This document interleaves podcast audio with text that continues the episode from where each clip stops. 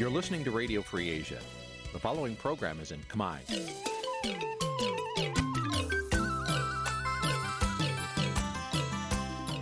នេះជាកម្មវិធីផ្សាយ Vuthu Azizi Serai នេះជាកម្មវិធីផ្សាយរបស់ Vuthu Azizi Serai ជាភាសាខ្មែរ Vuthu Azizi Serai សូមស្វាគមន៍លោកអ្នកនាងទាំងអស់ពីរដ្ឋធានី Washington នៃសហរដ្ឋអាមេរិក ពីរដ្ឋធានី Washington ខ្ញុំបាទមួងណារ៉េតសូមជម្រាបសួរលោកអ្នកនាងកញ្ញាអ្នកស្ដាប់ Vuthu Azizi Serai ទាំងអស់ជាទីមេត្រីយើងខ្ញុំសូមជូនកម្មវិធីផ្សាយសម្រាប់ព្រឹកថ្ងៃអង្គារ14រោចខែផុតបុត្រឆ្នាំឆ្លូវត្រីស័កពុទ្ធសករាជ2565ត្រូវនឹងថ្ងៃទី5ខែតុលាគ្រិស្តសករាជ2021បាទជាដំបូងនេះសូមអញ្ជើញលោកនាងកញ្ញាស្ដាប់ព័ត៌មានប្រចាំថ្ងៃដែលមានមេត្តាដូចតទៅ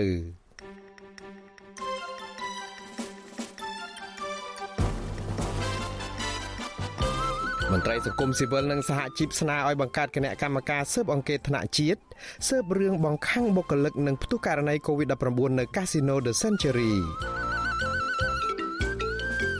ក្រុមអ្នកការពារសិទ្ធិមនុស្សចង់ឃើញរដ្ឋាភិបាលទទួលយកអនុសាសន៍របស់អ្នករាយការណ៍ពិសេសអង្គការសហប្រជាជាតិដើម្បីស្ដារសិទ្ធិមនុស្សនិងប្រជាធិបតេយ្យឡើងវិញ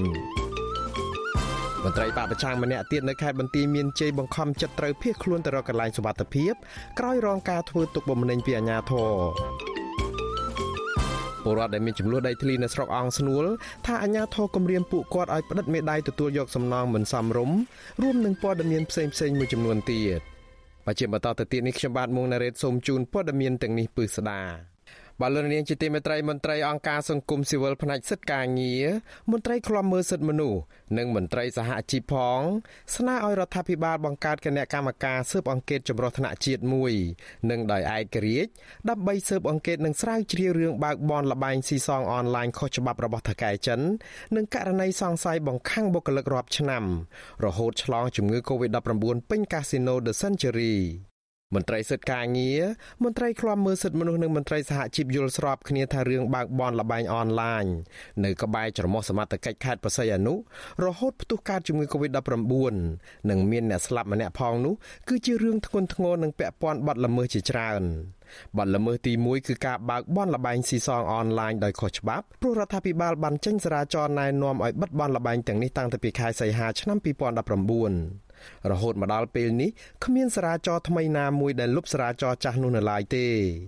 បាត់ល្មើសទី2គឺបាត់ល្មើសព្រហ្មទណ្ឌពាក់ព័ន្ធនឹងការសង្ស័យបង្ខាំងមនុស្សព្រោះបុគ្គលិកក្រុមហ៊ុនថាពួកគាត់ត្រូវបង្ខាំងឲ្យធ្វើការនៅទីនោះដោយមិនឲ្យចេញក្រៅសូម្បីតែទៅលេងបងប្អូនឬក៏ឪពុកម្ដាយ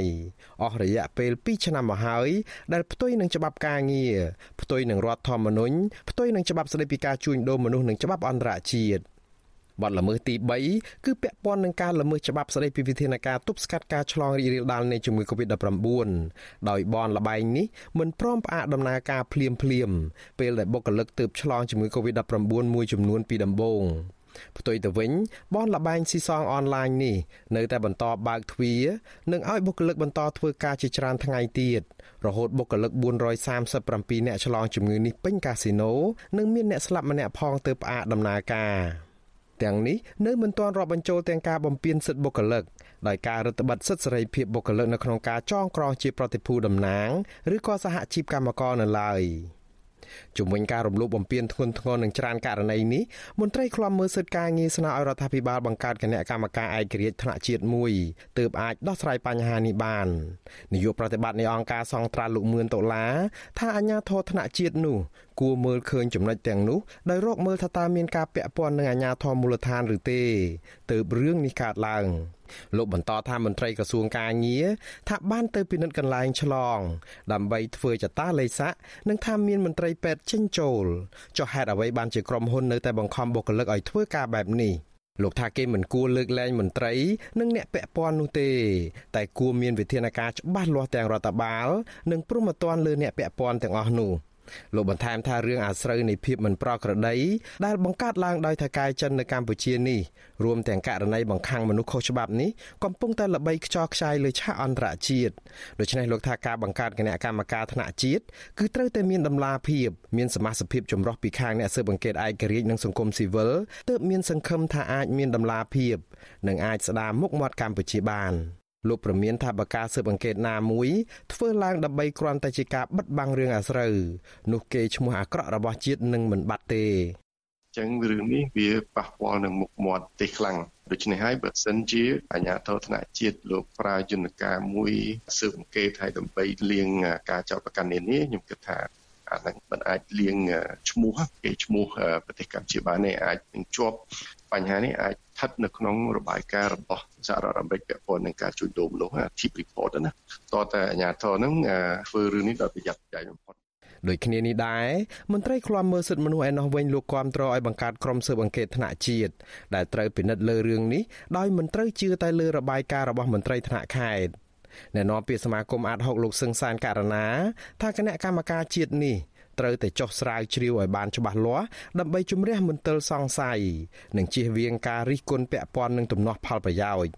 លោកថាការបកស្រាយរបស់គណៈកម្មការនេះទៀតសោតត្រូវធ្វើឲ្យបានច្បាស់លាស់និងមានតម្លាភាពនិងត្រូវផ្ដន្ទាទោសបុគ្គលដែលពាក់ព័ន្ធទាំងអស់ការចាត់វិធានការនោះគឺមានសារៈសំខាន់ណាស់ដើម្បីធ្វើយ៉ាងណាទប់ស្កាត់កុំឲ្យមានអំពើបែបហ្នឹងកើតឡើងតទៅទៀតនៅពេលដែលមានអំពើបែបហ្នឹងកើតឡើងតទៅទៀត គឺច្បាស់ជាអ្នកទាំងអស់ហ្នឹងគាត់មិនហ៊ាននឹងប្រព្រឹត្តនៅអំពើបែបហ្នឹងទៀតទេព្រោះបើប្រព្រឹត្តបែបនេះគាត់នឹងទទួលរងនឹងការចាត់ទានការផ្លូវច្បាប់ទៅតាមអ្វីដែលជាការប្រព្រឹត្តរបស់ពួកគាត់មិនត្រឹមត្រូវនឹងឯងបាទ ជាធម្មតាការបើកបនលបែងស៊ីសងអ្វីមួយនៅក្នុងដែនសមត្ថកិច្ចរបស់ខេត្តគឺត្រូវតែមានការឯកភាពនិងដឹងឮពីភាគីពាក់ព័ន្ធជាច្រើន រួមមានអភិបាលខេត្តប្រស័យអនុលោកគួចចម្រើនស្នងការនគរបាលខេត្តលោកជួននរិនមេបញ្ជាការកងរាជអាវុធហត្ថខេត្តលោកហេងបន្ទីមន្ត្រីនៃមន្ទីរការងារនិងបណ្ដុះបណ្ដាលវិជ្ជាជីវៈខេត្តប្រស័យអនុនិងថៅកែចិនដែលជាម្ចាស់បនលបែងស៊ីសងនោះផង នៅក្នុងន័យនេះមន្ត្រីសហជីពថាការស៊ើបអង្កេតនិងស្រាវជ្រាវដើម្បីវែកមុខជនដែលពាក់ព័ន្ធដើម្បីយកមកផ្ដន់ទោសតាមច្បាប់គឺអាចធ្វើទៅបានទាល់តែមានសមាជិកមន្ត្រីខាងក្រៅជៀសវាងអាជ្ញាកណ្ដាលនិងអ្នកទាត់បាល់ជាមនុស្សតែមួយប្រធានសហព័ន្ធសហជីពវិស័យទេសចរនិងសេវាកម្មកម្ពុជាលោកមុំរទ្ធីថាព័ត៌មានពិត គឺមាននៅបុគ្គលិកដែលរងគ្រោះនិងហ៊ាននិយាយការពិត ដូច្នេះលោកស្នើថាការស៊ើបអង្កេតណាក៏ដោយត្រូវតែពិនិត្យមើលអំពីការគំរាមកំហែងបុគ្គលិកដែលហ៊ាននិយាយការពិតនិងត្រូវរកវិធានការយ៉ាងណាការពារសុវត្ថិភាពរបស់ពួកគាត់ទើបការរុករកអង្គហេតុពិត មានលទ្ធផលល្អកម្មករកណាហៅគាត់ដូចប្រឡងមកហៅគាត់ទៅជួបម្នាក់ពីរនាក់ឬមក3 4 5នាក់ហៅគាត់ទៅនិយាយគាត់ភ័យគាត់ខ្លាចគាត់អត់ហ៊ានទេហើយកម្មករផ្សេងផ្សេងទៀតច្រើនរយនាក់ទៀតហ្នឹងគាត់អត់ហ៊ាននិយាយតែម្ដងគាត់ហ៊ាននិយាយសុំបីតែ គាត់ទៅធ្វើការនឹងហើយណាក៏គាត់មិនហ៊ាននិយាយទៀតអញ្ចឹងហើយយើងដឹងថាគាត់ទៅធ្វើការតែវាសំខាន់សម័យខ្លួនគាត់គាត់ភ័យគាត់ខ្លាចហ្មងខ្លាចគឺខ្លាចគេរករឿងគាត់ហ្មងអញ្ចឹងនៅក្នុងនោះមិនមែនមានកម្មករតែម្នាក់ពីរនាក់បីនាក់ទៅទៅធ្វើការទេវាមានកម្មករច្រើននាក់ទៅធ្វើការនៅក្នុងចាប់ថ្ងៃទី24រហូតដល់ថ្ងៃទី30ហ្នឹងបនលបែងស៊ីសងកាស៊ីណូអនឡាញចិន The Century មានទីតាំងនៅភូមិលេខ5សង្កាត់លេខ4ខេត្តប្រស័យអនុ មានចំនួនកម្មករបុគ្គលិកបម្រើការសរុប437នាក់បុគ្គលិកក្រុមហ៊ុននេះអះអាងថាកម្មករទាំងអស់ឆ្លងជំងឺ Covid-19 ការផ្ទុះរីករាលដាលនៃជំងឺនេះផ្ដើមពីដំបូងពីថ្ងៃទី23ខែកញ្ញាក្រោយបុគ្គលិកម្នាក់ទៅភ្នំពេញធ្វើតេស្តរកឃើញថាមានផ្ទុកជំងឺនេះភ្លាមនោះអ្នកគ្រប់គ្រងកាស៊ីណូបានធ្វើតេស្តរហ័សលើបុគ្គលិកនិងរកឃើញបុគ្គលិកជាច្រើនអ្នកផ្ទុកជំងឺនេះក៏ប៉ុន្តែកាស៊ីណូនេះនៅតែបន្តបើកដំណើរការរហូតនិងឲ្យបុគ្គលិកបន្តធ្វើការទាំងឈឺ រហូតដល់ថ្ងៃទី30ខែកញ្ញាក្រោយបុគ្គលិកម្នាក់ស្លាប់ដោយសារតែជំងឺនេះទើបបែករឿងពេលនោះគេឃើញអាជ្ញាធរចុះមកបញ្ជាឲ្យផ្អាកអាជីវកម្មនេះសិនក្រោយផ្ទុះការរីករាលដាលនៃជំងឺ Covid-19 នៅក្នុងកាស៊ីណូនេះភ្លាមបុគ្គលិកជាច្រើនបានបង្ហោះវីដេអូផ្សាយផ្ទាល់តាមបណ្ដាញសង្គម Facebook អំពីការមិនយកចិត្តទុកដាក់របស់អាជ្ញាធរនិងមន្ត្រីសុខាភិបាល ចំពោះស្ថានភាពជំងឺរបស់ពួកគាត់ ក្រោយមកអាជ្ញាធរបានដាក់សម្ពាធឲ្យពួកគាត់លុបវីដេអូនោះចេញវិញក៏ប៉ុន្តែបុគ្គលិកទាំងនោះមិនព្រមបុគ្គលិកទាំងនោះប្រាប់វិទ្យុអាស៊ីសេរីថាពួកគាត់រងការគំរាមកំហែងនិងបំផិតបំភ័យទាំងពីមន្ត្រីអាជ្ញាធរនិងអ្នកគ្រប់គ្រងក្នុងកាស៊ីណូជំវិញការហ៊ានផ្សាយព័ត៌មានពិតរបស់ពួកគាត់។ អាជ្ញាធរខេត្តប្រស័យអនុក៏កំពុងតែព្យាយាមបន្សាបព័ត៌មានដែលបុគ្គលិកទាំងនោះផ្សាយបង្ហោះលើបណ្ដាញសង្គមដោយផ្សាយវីដេអូរបស់ក្រុមបុគ្គលិកមួយក្រុមផ្សេងទៀតដែលធ្វើការផ្នែកគ្រប់គ្រងនឹងនៅខាងថៅកែកាស៊ីណូដោយនិយាយលើកសរសើរអំពីភាពល្អត្រឹមត្រូវរបស់ថៅកែចិននិងអាជ្ញាធរ លើសពីនេះមន្ត្រីការងាររបស់ខេត្តប្រស័យអនុក៏ព្យាយាមបន្សាបព័ត៌មានរបស់បុគ្គលិកទាំងនោះដែរប្រធានមន្ត្រីការងារនិងបដិបដាលវិជាជីវៈខេត្តប្រស័យអនុលោកជៅខេមរាប្រាប់វិទ្យុអាស៊ីសេរីកាលពីយប់ថ្ងៃទី4ខែតុលាថាបុគ្គលិកដែលហ៊ានបញ្ចេញវីដេអូអំពីស្ថានភាពខាងក្នុងកាស៊ីណូនោះគឺពួកគេនិយាយមិនពិតជាពិសេសរឿងដែលថាកាស៊ីណូឲ្យបន្តការងារទាំងផ្ទុះជំងឺ Covid-19 ខ្ញុំបានឮ ព័ត៌មាននឹងដែរតាមរយៈ live ហ្នឹងបានតាមថាវា live នេះគឺតែ5នាក់គឺគាត់គាត់ live រំលងទៅគ្នាគាត់ជាក់ស្ដែងយើងបានសួរថាអត់មានទេករណីនេះក៏តែគាត់ថាយើងមិនអាចស្ដាប់តែភាគីម្ខាងបានទេបើទោះបីជាយ៉ាងនេះក្តីលោកយៅខេមរាអះអាងថាអាញាធរនឹងចុះស៊ើបអង្កេតករណីនេះបន្ថែមនៅក្រៅស្ថានភាពរីករាលដាលនៃជំងឺ Covid-19 នៅកាស៊ីណូ The Century បានធូរស្បើយ ផ្ទុយពីការអះអាងរបស់មន្ត្រីការងារខេត្តប្រស័យអនុនេះបុគ្គលិកនៅបនលបែងស៊ីសងអនឡាញ The Century បញ្ជាក់ជាថ្មីប្រាប់វិទ្យុអាស៊ីសេរីកាលពីយប់ថ្ងៃទី4ខែតុលានោះដែរថាផ្នែកគ្រប់គ្រងកាស៊ីណូចិនមួយនេះពិតជាបានឲ្យបុគ្គលិកនៅបន្តធ្វើការទាំងផ្ទុះជំងឺ Covid ពេញកាស៊ីណូមែន បុគ្គលិកដែលផ្ដល់ព័ត៌មានឲ្យវិទ្យុអាស៊ីសេរីនៅក្នុងលក្ខខណ្ឌសុំមិនបញ្ចេញឈ្មោះដោយខ្លាចការធ្វើទុកបុកម្នេញពីម្ចាស់កាស៊ីណូនិងអាជ្ញាធរថាពីព្រោះក្រុមហ៊ុនសំអាងថាបើបុគ្គលិកទាំងអស់នាំគ្នាធ្វើចតាលេខស័កអត់ធ្វើការតើឲ្យក្រុមហ៊ុនបានប្រាក់ចំណូលពីណាមកបើកប្រាក់ខែឲ្យបុគ្គលិក មន្ត្រីឃ្លាំមើលសិទ្ធិការងារមន្ត្រីឃ្លាំមើលសិទ្ធិមនុស្សនិងមន្ត្រីសហជីពថាដោយសារតែអាញាធរចាប់ផ្ដើមព្យាយាមដោះដៃពីការទទួលខុសត្រូវនេះពួកគាត់ថាការស៊ើបអង្កេតថ្នាក់ជាតិរឹតតែសំខាន់និងបន្ទាន់ដើម្បីស្រាយចម្ងល់រកការពិត និងយុត្តិធម៌ជូនបុគ្គលិកដែលរងគ្រោះនៅបនលបែងកាស៊ីណូអនឡាញ The Century របស់ថៅកែចិននោះ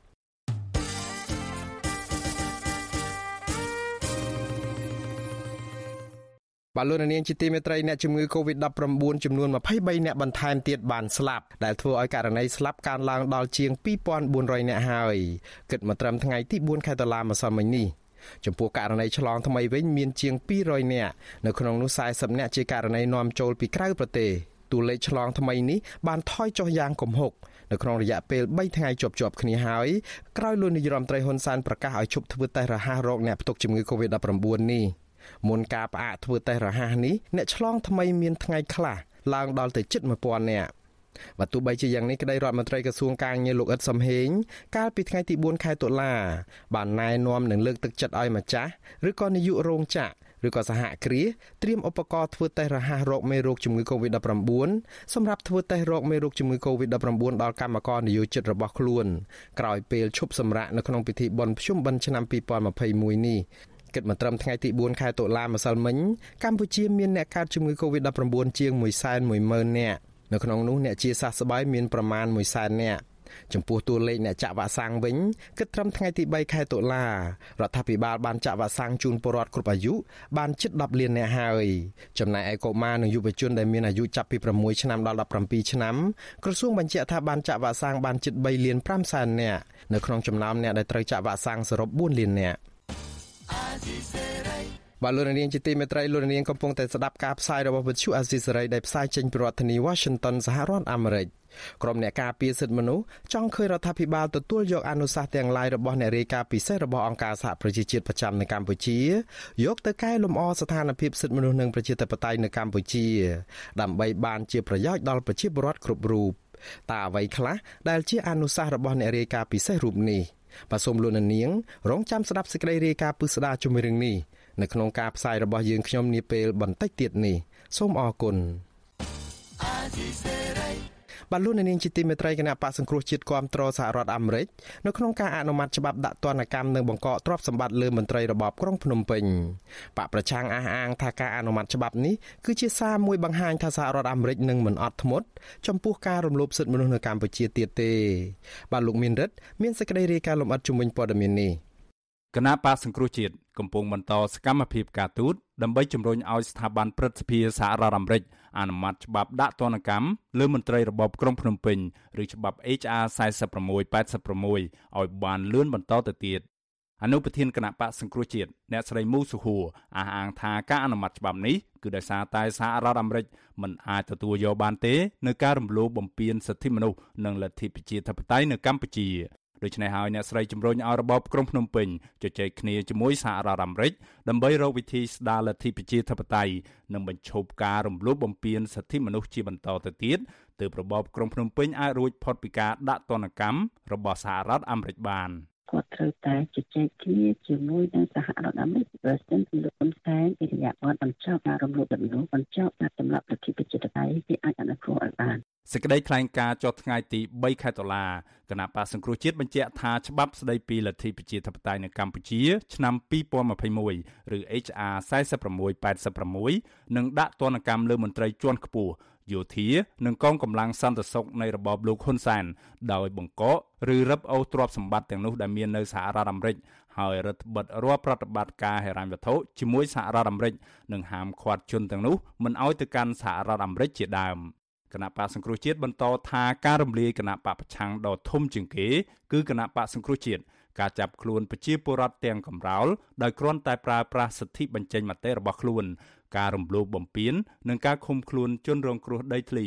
ការបំបិទសិទ្ធិសេរីភាពរបស់អ្នកសារព័ត៌មានឯករាជ្យនិងមេដឹកនាំសហជីពគឺជាទង្វើប្រឆាំងនឹងសិទ្ធិជាមូលដ្ឋានដោយដែលមានចែងនៅក្នុងកិច្ចព្រមព្រៀងសន្តិភាពទីក្រុងប៉ារីឆ្នាំ1991និងនៅក្នុងរដ្ឋធម្មនុញ្ញរបស់កម្ពុជា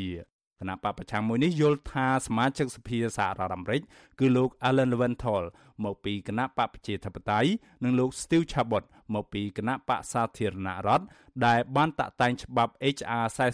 4686គប្បីទទួលបាននៅការគោរពចំពោះការប្រឹងប្រែងដែលមិនខ្លាចនឿយហត់ដើម្បីយុត្តិធម៌ជូនជនរងគ្រោះនិងលទ្ធិប្រជាធិបតេយ្យនៅកម្ពុជាឡើងវិញ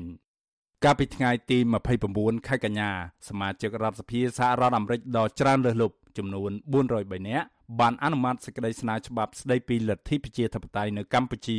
ឆ្នាំ2021ឬ HR 4686ចាត់ទុកជាការប្រញាប់ហើយបានកាត់ចោលនីតិវិធីខ្លះដើម្បីឈានទៅដល់ការអនុម័តបានឆាប់ច្បាប់នេះនឹងត្រូវឆ្លងកាត់ស្ថាប័នព្រឹទ្ធសភាសហរដ្ឋអាមេរិកមួយដំណាក់កាលទៀត មុននឹងបញ្ជូនទៅប្រធានាធិបតីអាមេរិកលោក Joe Biden ដើម្បីចុះហត្ថលេខាប្រកាសជាផ្លូវការមន្ត្រីរដ្ឋាភិបាលកម្ពុជា មិនពេញចិត្តទៅនឹងការអនុម័តច្បាប់នេះទេ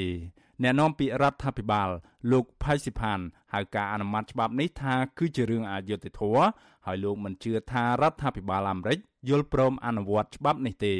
ចំណែកឯអ្នកនាំពាក្យគណៈបកប្រជាជនកម្ពុជា លោកសុកអេសានអះអាងថាច្បាប់នេះមិនមានឥទ្ធិពលមកលើកម្ពុជានោះទេ ហើយគណៈបកកណ្ដាលអំណាចរក្សាជំហរមិនចរចាជាមួយគណៈបកប្រឆាំងដដែលលោកបន្តថារដ្ឋាភិបាលកម្ពុជានឹងមិនតបតជាមួយសហរដ្ឋអាមេរិកនោះទេរីឯរដ្ឋាភិបាលនឹងនៅតែមានទំនាក់ទំនងជាប្រក្រតីជាមួយសហរដ្ឋអាមេរិកដដែល ការអនុម័តច្បាប់របស់សភាអាមេរិកជារឿងរបស់អាមេរិកគឺគ្មានអីពាក់ព័ន្ធជាមួយឯករាជ្យនិងអធិបតេយ្យភាពរបស់កម្ពុជាទេបាទក៏ប៉ុន្តែអ្នកវិភាគសង្កេតឃើញថាយន្តការអន្តរជាតិដូចជាប្រព័ន្ធអនុគ្រោះពន្ធ EBA របស់សហភាពអឺរ៉ុបប្រព័ន្ធអនុគ្រោះពន្ធ GSP របស់សហរដ្ឋអាមេរិកនិងច្បាប់ស្តីពីលទ្ធិប្រជាធិបតេយ្យកម្ពុជាឆ្នាំ2021នេះសុទ្ធសឹងតែជាយន្តការសំខាន់ដែលអាចជំរុញឲ្យមានការចរចានយោបាយនៅកម្ពុជាបាន អ្នកសិក្សាស្រាវជ្រាវការអភិវឌ្ឍសង្គមបណ្ឌិតសេងសេរីយល់ថាបើទោះបីជាយន្តការអន្តរជាតិមានឥទ្ធិពលយ៉ាងណាក៏ដោយក៏គ្មានប្រសិទ្ធភាពដូចឆន្ទៈអ្នកនយោបាយខ្មែរនោះដែរ បណ្ឌិតសេងសេរីលើកទឹកចិត្តឲ្យអ្នកនយោបាយខ្មែរចរចាគ្នាជាជាងប្រើប្រាស់យន្តការអន្តរជាតិសម្រាប់ខ្ញុំខ្ញុំជឿថាការចរចាឬក៏ឆន្ទៈនៃអ្នកនយោបាយនៅក្នុងប្រទេសជាពិសេសឆន្ទៈនៃអ្នកនយោបាយដែលមានកម្លាំងនយោបាយធំពីរនេះវាជារឿងសំខាន់ជាជាងការប្រើប្រាស់យន្តការអន្តរជាតិណាបាទទោះជាយ៉ាងណាប្រធានស្ដីទីគណៈបកសង្គ្រោះជាតិលោកសំរងស៊ី ធ្លាប់អះអាងថាលោកព្យាយាមសុំចរចាសុំជជែកដើម្បីដោះស្រាយវិបត្តិនយោបាយជាមួយរបបក្រុងភ្នំពេញច្រើនដងរួចមកហើយក៏ប៉ុន្តែលោកនាយករដ្ឋមន្ត្រីហ៊ុនសែននៅតែមិនព្រមលោកក៏តែងតែអំពាវនាវឲ្យពលរដ្ឋនិងសហគមន៍អន្តរជាតិបង្កើនការដាក់សម្ពាធលើរបបក្រុងភ្នំពេញតាមគ្រប់វិធីសាស្ត្រដើម្បីបង្ខំឲ្យលោកហ៊ុនសែនងាកមករកការចរចា ស្ដារលទ្ធិប្រជាធិបតេយ្យនៅកម្ពុជាឡើងវិញខ្ញុំបាទមេរិត Visual C ស្រីរាយការណ៍ពីរដ្ឋធានី Washington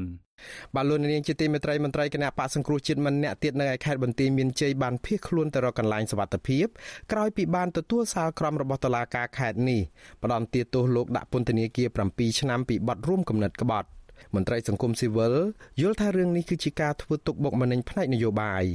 លោកជាតិចំណានមានសេចក្តីរាយការណ៍ជំវិញព័ត៌មាននេះមន្ត្រីគណៈបកប្រឆាំងដែលកំពុងភៀសខ្លួននោះថ្លែងថាការភៀសខ្លួននេះ ព្រោះចង់រក្សាកម្លាំងចូលរួមជាមួយនឹងសកម្មជនដទៃទៀតដើម្បីធ្វើសកម្មភាពនយោបាយស្ដារប្រជាធិបតេយ្យនៅកម្ពុជាឡើងវិញសមាជិកក្រុមការងារគណៈបកសង្គ្រោះជាតិខេត្តបន្ទាយមានជ័យលោកភងសុជាតិប្រាប់វិសុអាស៊ីសេរីនៅព្រឹកថ្ងៃទី4ខែតុលាថានៅពេលនេះលោកបានភៀសខ្លួនដល់កន្លែងមានសុវត្ថិភាពហើយមន្ត្រីគណៈបកប្រឆាំងរូបនេះបន្តថាមូលហេតុដែលលោករត់ភៀសខ្លួនដោយសារតែមួយរយៈនេះមានប៉ូលីសជាច្រើនអ្នកតាមឃ្លាំមើលដល់ផ្ទះរបស់លោកនៅខេត្តបាត់ដំបងជាបន្តបន្ទាប់ មន្ត្រីបកប្រឆាំងវ័យ47ឆ្នាំរូបនេះបញ្ជាក់ថាលោកមិនបានធ្វើខុសច្បាប់ដូចជាការចោទប្រកាន់របស់តុលាការនោះទេ ខ្ញុំគិតថាមកដល់នេះវាសុវត្ថិភាពវាបង្គួរដែលគាត់បើជាងដែលយើងនៅខាងក្នុងកាលណាយើងនៅក្នុងវាគ្រោះថ្នាក់ធំអានៅដូចនៅក្នុងហ្វូងខ្លាអញ្ចឹងប៉ុន្តែមកក្នុងនេះយើងអាចនៅតែបន្តរិះគន់ចំពោះទង្វើអាក្រក់របស់ការដឹកនាំនៅភ្នំពេញហ្នឹងបាទរបបផ្ដាច់ការហ្នឹងខ្ញុំមិននិយាយរដ្ឋាភិបាលទេព្រោះវាមិនមែនជាឆន្ទៈពិតរបស់ប្រជាពលរដ្ឋការដឹកនាំដោយប្លន់អំណាចនេះវាមិនមែនជាឆន្ទៈពិតរបស់ប្រជាពលរដ្ឋទេដូច្នេះខ្ញុំនៅតែធ្វើការរិះគន់នៅតែប្រឆាំងរិះគន់ដើម្បីជាតិនិយាយច្បាស់ទៅរិះគន់ដើម្បីស្ថាបនាឲ្យគាត់ងាកទៅរកប្រជាធិបតេយ្យឡើងវិញបាទការរត់ភៀសខ្លួនរបស់មន្ត្រីគណៈបកប្រឆាំងនេះក្រោយពេលដែលសាលាដំបងខេត្តបន្ទាយមានជ័យបានសម្រេចផ្តន្ទាទោសលោកភុងសុជាតិហៅជាតិខេមរាដាក់ពន្ធនាគាររយៈពេល7ឆ្នាំពីបទរួមគំនិតក្បត់ពាក់ព័ន្ធនឹងការបង្ហោះសារចូលរួមដំណើរវិលចូលស្រុកវិញរបស់ប្រធានស្ដីទីគណៈបកសង្គ្រោះជាតិលោកសំរងស៊ីកាលពីខែវិច្ឆិកាឆ្នាំ2019ប្រធានក្រុមជំនុំជម្រះលោកលឹមសុគន្ធរា បានបញ្ជាក់នៅក្នុងសារក្រមចុះថ្ងៃទី26ខែសីហាថារឿងនេះជន់ជាប់ចោតមានសិទ្ធិប្តឹងទាស់និងប្តឹងទៅឧទ្ធរតាមច្បាប់ ការប្រកាសសារក្រមនេះគឺបន្ទាប់ពីតុលាការបានបើកសវនាការជំនុំជម្រះក្តីទៅលើសំណុំរឿងសកម្មជនបកប្រឆាំង3រូបកាលពីថ្ងៃទី26ខែសីហាដោយពុំមានវត្តមានរបស់ជនជាប់ចោត និងមេធាវីការពីក្តីនោះទេលោកជាតិខេមរា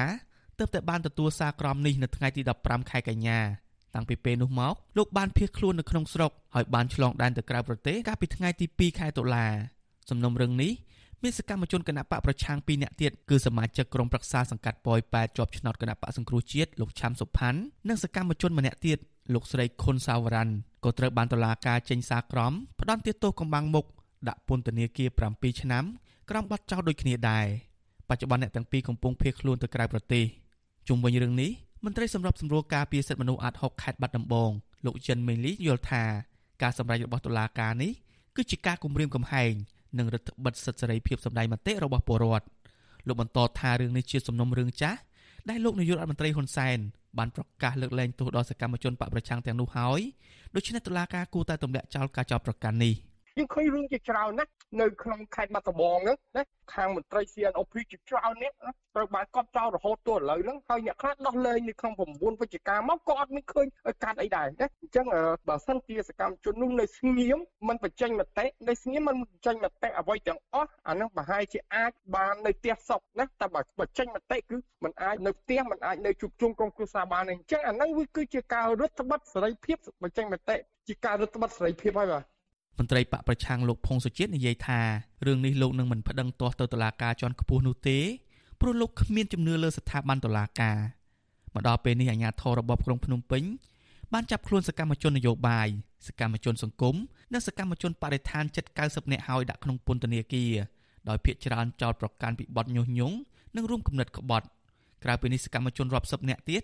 កំពុងភៀសខ្លួនទៅក្រៅប្រទេសដើម្បីគេចចេញពីការចាប់ខ្លួនក្នុងសំណុំរឿងដូចគ្នានេះដែរ អ្នកតាមដានខ្លំមើលបញ្ហាសង្គម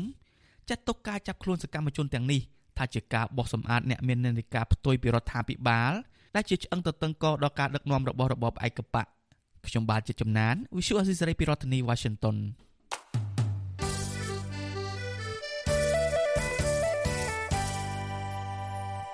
បាទលោកនាងជាទីមេត្រីលោកនាងកំពុងតែស្ដាប់ការផ្សាយរបស់ Visual Assisary ផ្សាយចេញពីរដ្ឋធានី Washington សហរដ្ឋអាមេរិក លោកអ្នកនាងក៏អាចស្ដាប់ការផ្សាយរបស់ Vuthu Azisery ដំណើរគ្នានឹងការផ្សាយតាមបណ្ដាញសង្គម Facebook និង YouTube នេះតាមរយៈរលកធាតុអាកាសខ្លីឬក៏ Short Wave ពេលព្រឹកចាប់ពីម៉ោង5កន្លះដល់ម៉ោង6កន្លះតាមរយៈរលកធាតុអាកាសខ្លី9940 kHz ស្មើនឹងកម្ពស់ 30ម៉ែត្រ ពេលយប់ចាប់ពីម៉ោង7កន្លះដល់ម៉ោង8កន្លះតាមរយៈរលកធាតុអាកាសខ្លី9960 kHz ស្មើនឹងកម្ពស់ 30m និង11240 kHz ស្មើនឹងកម្ពស់ 25m បាទសូមអរគុណ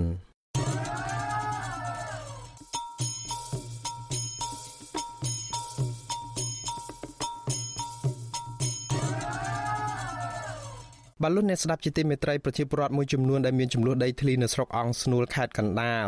អះអាងថាអាជ្ញាធរមូលដ្ឋានប្រើរូបភាពគម្រាមកំហែងបំផិតបំភ័យដោយបង្ខំពួកគាត់ឲ្យផ្តិតមេដាយទទួលយកសំណងគោលនយោបាយបន្តិចបន្តួចដែលកំណត់ដោយភាគីអាជ្ញាធរមន្ត្រីអង្គការសង្គមស៊ីវិលចាត់ទុកករណីនេះគឺជាការល្មើសច្បាប់និងរំលោភបំពានលើសិទ្ធិមូលដ្ឋានរបស់ប្រជាពលរដ្ឋដ៏ធ្ងន់ធ្ងរដែលធ្វើឲ្យប្រជាពលរដ្ឋបាត់បង់ជំនឿលើការអនុវត្តច្បាប់បាទលោកជីវិតាមានសេចក្តីរាយការណ៍ជំវិញព័ត៌មាននេះ ប្រជាពលរដ្ឋដែលមានវិវាទដីធ្លីជាមួយក្រមយោធាចោទប្រកាន់អាជ្ញាធរមូលដ្ឋាន ថាបានធ្វើសកម្មភាពព្យាយាមអូសទាញដោយគំរាមកំហែង បំផិតបំភ័យប្រើប្រាស់ប្រព័ន្ធតុលាការជាដើម ដើម្បីបង្ខំឲ្យពួកគាត់ផ្តិតមេដៃទទួលយកសំណងគោលនយោបាយបន្តិចបន្តួចពីរដ្ឋប្រជាពលរដ្ឋម្នាក់ដែលមានវិវាទដីធ្លីជាមួយក្រមយោធាគឺលោកស្រីយ៉ាន់សុខែមប្រាប់អាស៊ីសេរីថាក្រោយពេលយោធាបាញ់ពលរដ្ឋម្នាក់ឲ្យរងរបួសមក អញ្ញាធរបានសម្រេចផ្ដល់សំណងជាគោលនយោបាយឲ្យពលរដ្ឋ1600រៀលឬស្មើ0.4ដុល្លារក្នុង1ម៉ែត្រការ៉េ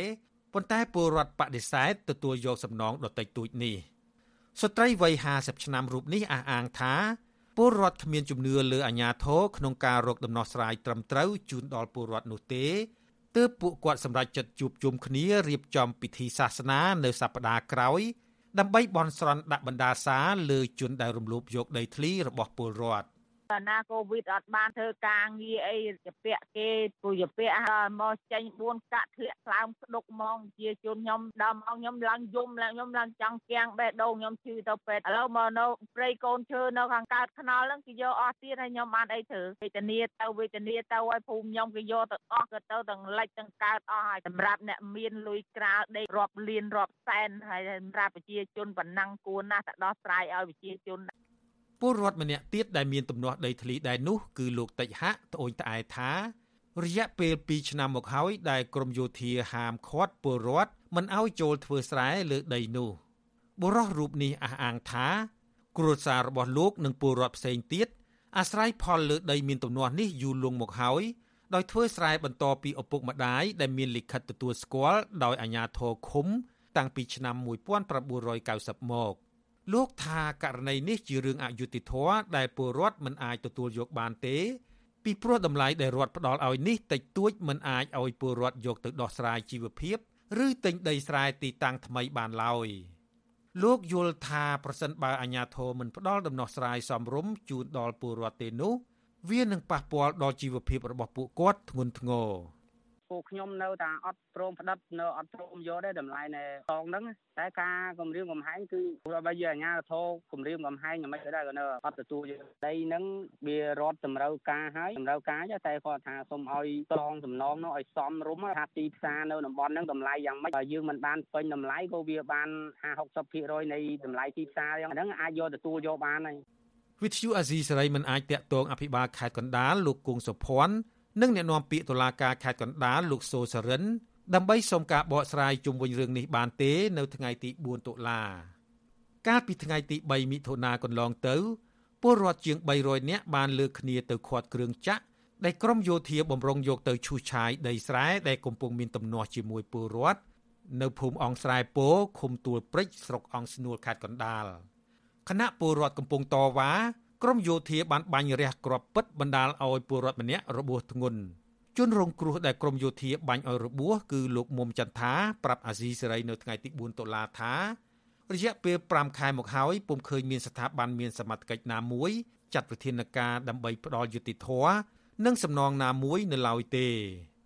លោកទៀមទាឲ្យស្ថាប័នមានសមត្ថកិច្ចពន្លឿនការស្រាវជ្រាវនិងស៊ើបអង្កេតឲ្យបានឆាប់ ដើម្បីយកជនល្មើសមកទទួលខុសត្រូវចំពោះមុខច្បាប់ជនរងគ្រោះរូបនេះឲ្យដឹងថាអាការៈរបួសរបស់លោកមិនទាន់ជាសះស្បើយនៅឡើយទេលោកថាបច្ចុប្បន្នគ្រូពេទ្យបន្តមកចាក់ថ្នាំនិងផ្ដល់ថ្នាំបំបត្តិការឈឺចាប់ត្រង់ឆ្អឹងដែលបាក់ដោយសារត្រូវគ្រាប់កំភ្លើងនោះលោកបន្តថាជីវភាពគ្រួសាររបស់លោកពេលនេះលំបាកលំបិនខ្លាំងហេតុនេះហើយទើបលោកសម្រេចចិត្តផ្តិតមេដៃឲ្យអាជ្ញាធរ ដើម្បីទទួលយកប្រាក់បន្តិចបន្តួចដែលជាសំណងពីវិវាទដីធ្លីនោះសម្រាប់យកមកបង់ថ្លៃព្យាបាលរបួសបន្តទៀតទីវាខ្ញុំក្រាបឆ្លើយណាបងខ្ញុំពិការដៃផងធ្វើអីអត់កែផងដៃមកខាងគេអត់មានមកនិយាយថាម៉េចថាម៉េចទេអត់ទេតាំងពីថ្ងៃគេគម្រាមខ្ញុំម្ដងមកគេលែងមកក្បែរខ្ញុំអស់គេមិនមានមកសួរនាំផងជុំវិញរឿងនេះ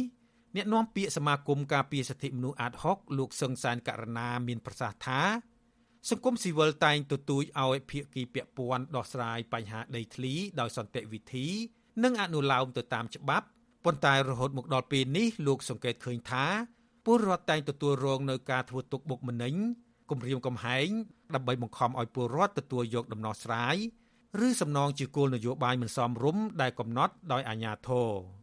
លោកចាត់ទុកករណីនេះជាការរំលោភបំពានលើសិទ្ធិមូលដ្ឋានរបស់ពលរដ្ឋធ្ងន់ធ្ងរ ដែលធ្វើឲ្យប្រជាពលរដ្ឋបាត់បង់ជំនឿលើការអនុវត្តច្បាប់ អាញាធរពាក់ព័ន្ធទាំងអស់ដើម្បីលើកនៅគុណតម្លៃការងារនិងទួនាទីរបស់ខ្លួនដែលមានសមត្ថកិច្ចក្នុងការដោះស្រាយនឹងគប្បីធ្វើយ៉ាងណាដុតដៃដុតជើងដើម្បីរកនៅយុត្តិធម៌ជូនពួកគាត់ហើយដល់នៅដំណោះស្រាយណាមួយដែលពួកគាត់អាចទទួលយកបានទើបទាំងអស់នេះអាចធ្វើឲ្យអ្វីអ្វីដែលជាការបាត់បង់នៅជំនឿចិត្តពីប្រជាពលរដ្ឋនឹងអាចមានការគ្រប់គ្រងអីត្រឡប់មកវិញនិងជឿជាក់ត្រឡប់មកវិញចំណែកករណីយោធាបាញ់ពលរដ្ឋវិញ មន្ត្រីសង្គមស៊ីវិលរូបនេះសោកស្ដាយចំពោះអាញាធរពាក់ព័ន្ធមិនទាន់បង្ហាញលទ្ធផលស៊ើបអង្កេតឬចំណាត់ការលើជនដៃដល់នៅឡើយលោកថាបញ្ហានេះនឹងធ្វើឲ្យវប្បធម៌នីតិរដ្ឋភាពរីកធំធាត់ថែមទៀតនៅពេលណាជនរងគ្រោះមិនទាន់ទទួលបានយុត្តិធម៌ករណីទំនាស់ដីធ្លីដែលក្រមយោធាកំពុងព្យាយាមចូលកាន់កាប់នេះគឺដីស្រែប្រមាណជាង280ហិកតា ដែលមានទំនាស់ជាមួយពលរដ្ឋប្រមាណ356គ្រួសារ ស្ថិតនៅភូមិចំនួន7នៃឃុំទួលព្រិចស្រុកអង្គស្នួលខេត្តកណ្ដាលប្រជាពលរដ្ឋអះអាងថាពួកគាត់បានចូលធ្វើស្រែលើដីនេះអស់រយៈពេល30ឆ្នាំ និងបន្តរហូតដល់កូនចៅដែលទទួលស្គាល់ដោយអាជ្ញាធរមូលដ្ឋានប៉ុន្តែរដ្ឋាភិបាលមិនព្រមផ្ដល់កម្មសិទ្ធិឲ្យពួកគាត់នោះទេទោះបីពលរដ្ឋស្នើសុំយ៉ាងណាក្តីពួកគាត់បន្តធ្វើស្រែចម្ការនិងអាស្រ័យផលរហូតដល់ចុងឆ្នាំ2020 នៅពេលក្រមយោធាបានចូលមកបោះទីតាំងយាមដីព្រៃរបស់រដ្ឋនៅក្បែរដីស្រែនោះចាប់ពីពេលនោះមកក្រមយោធាបានហាមឃាត់ពលរដ្ឋមិនឲ្យចូលធ្វើស្រែនៅទីនោះឡើយមន្ត្រីសង្គមស៊ីវិលទទូចឲ្យអាជ្ញាធរដោះស្រាយវិវាទដីធ្លីនេះដោយត្រឹមត្រូវនិងតម្លាភាពដោយបញ្ឈប់ការគំរាមកំហែងឬបំផិតបំភ័យដើម្បីបញ្ជៀសអំពើហិង្សានិងស្ថានភាពក្រីក្រកាន់តែខ្លាំងរបស់ពលរដ្ឋ ដែលអាចបណ្ដាលឲ្យរដ្ឋាភិបាលជាប់ឈ្មោះអាក្រក់ក្នុងការធ្វើទុកបុកម្នេញលើពលរដ្ឋខ្លួនឯងខ្ញុំជីវិតាអាស៊ីសេរី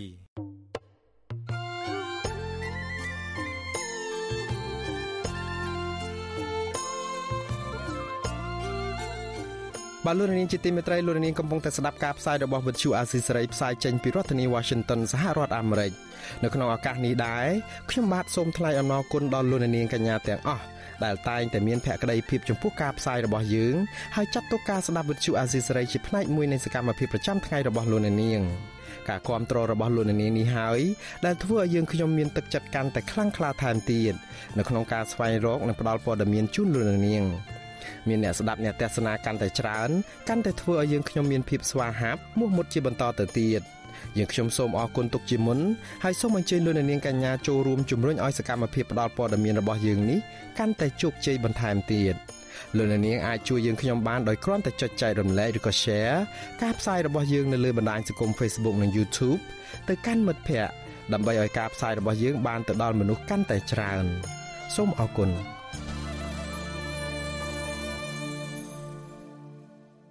បាទលោកនាងជាទីមេត្រីក្រុមអ្នកការពារសិទ្ធិមនុស្សស្វាគមន៍របាយការណ៍លើកដំបូងរបស់អ្នករាយការណ៍ពិសេសរបស់អង្គការសហប្រជាជាតិស្ដីពីបញ្ហាសិទ្ធិមនុស្សនៅកម្ពុជាលោកវិទិតម៉ាន់តាបនដែលបានដាក់ជូនទៅក្រុមប្រឹក្សាសិទ្ធិមនុស្សរបស់អង្គការសហប្រជាជាតិពួកគាត់ចង់ឃើញរដ្ឋាភិបាលទទួលយកអនុសាសន៍ទាំងឡាយរបស់អ្នករាយការណ៍ពិសេសរូបនេះយកទៅកែលម្អស្ថានភាពសិទ្ធិមនុស្សនិងប្រជាធិបតេយ្យនៅកម្ពុជា ដើម្បីបានជាប្រយោជន៍ដល់ប្រជាពលរដ្ឋខ្មែរគ្រប់រូប បាទសូមលោកនាងស្ដាប់សេចក្តីរាយការណ៍មួយផ្សេងទៀតរបស់លោកមានរិទ្ធជុំវិញព័ត៌មាននេះរបាយការណ៍លើកដំបូងដែលលោកវិទិតមុនតបនដាក់ជូនទៅក្រុមប្រឹក្សាសិទ្ធិមនុស្សរបស់អង្គការសហប្រជាជាតិសម្រាប់សម័យប្រជុំលើកទី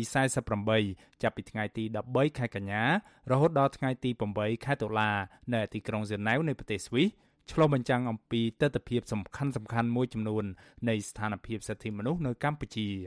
ទស្សនវិជ្ជាទាំងនោះរួមមានផលប៉ះពាល់នៃវិបត្តិជំងឺ Covid-19 បញ្ហាធ្លាក់ចុះនៃលំហប្រជាធិបតេយ្យសិទ្ធិពលរដ្ឋនិងសិទ្ធិនយោបាយព្រមទាំងបញ្ហាមួយចំនួនទៀតទាក់ទងទៅនឹងសិទ្ធិសេដ្ឋកិច្ចសង្គមនិងវប្បធម៌បញ្ហាដីធ្លីនិងបរិស្ថាន សង្គមស៊ីវិលកិច្ចពិគ្រោះយោបល់និងកិច្ចសហប្រតិបត្តិការជាដើម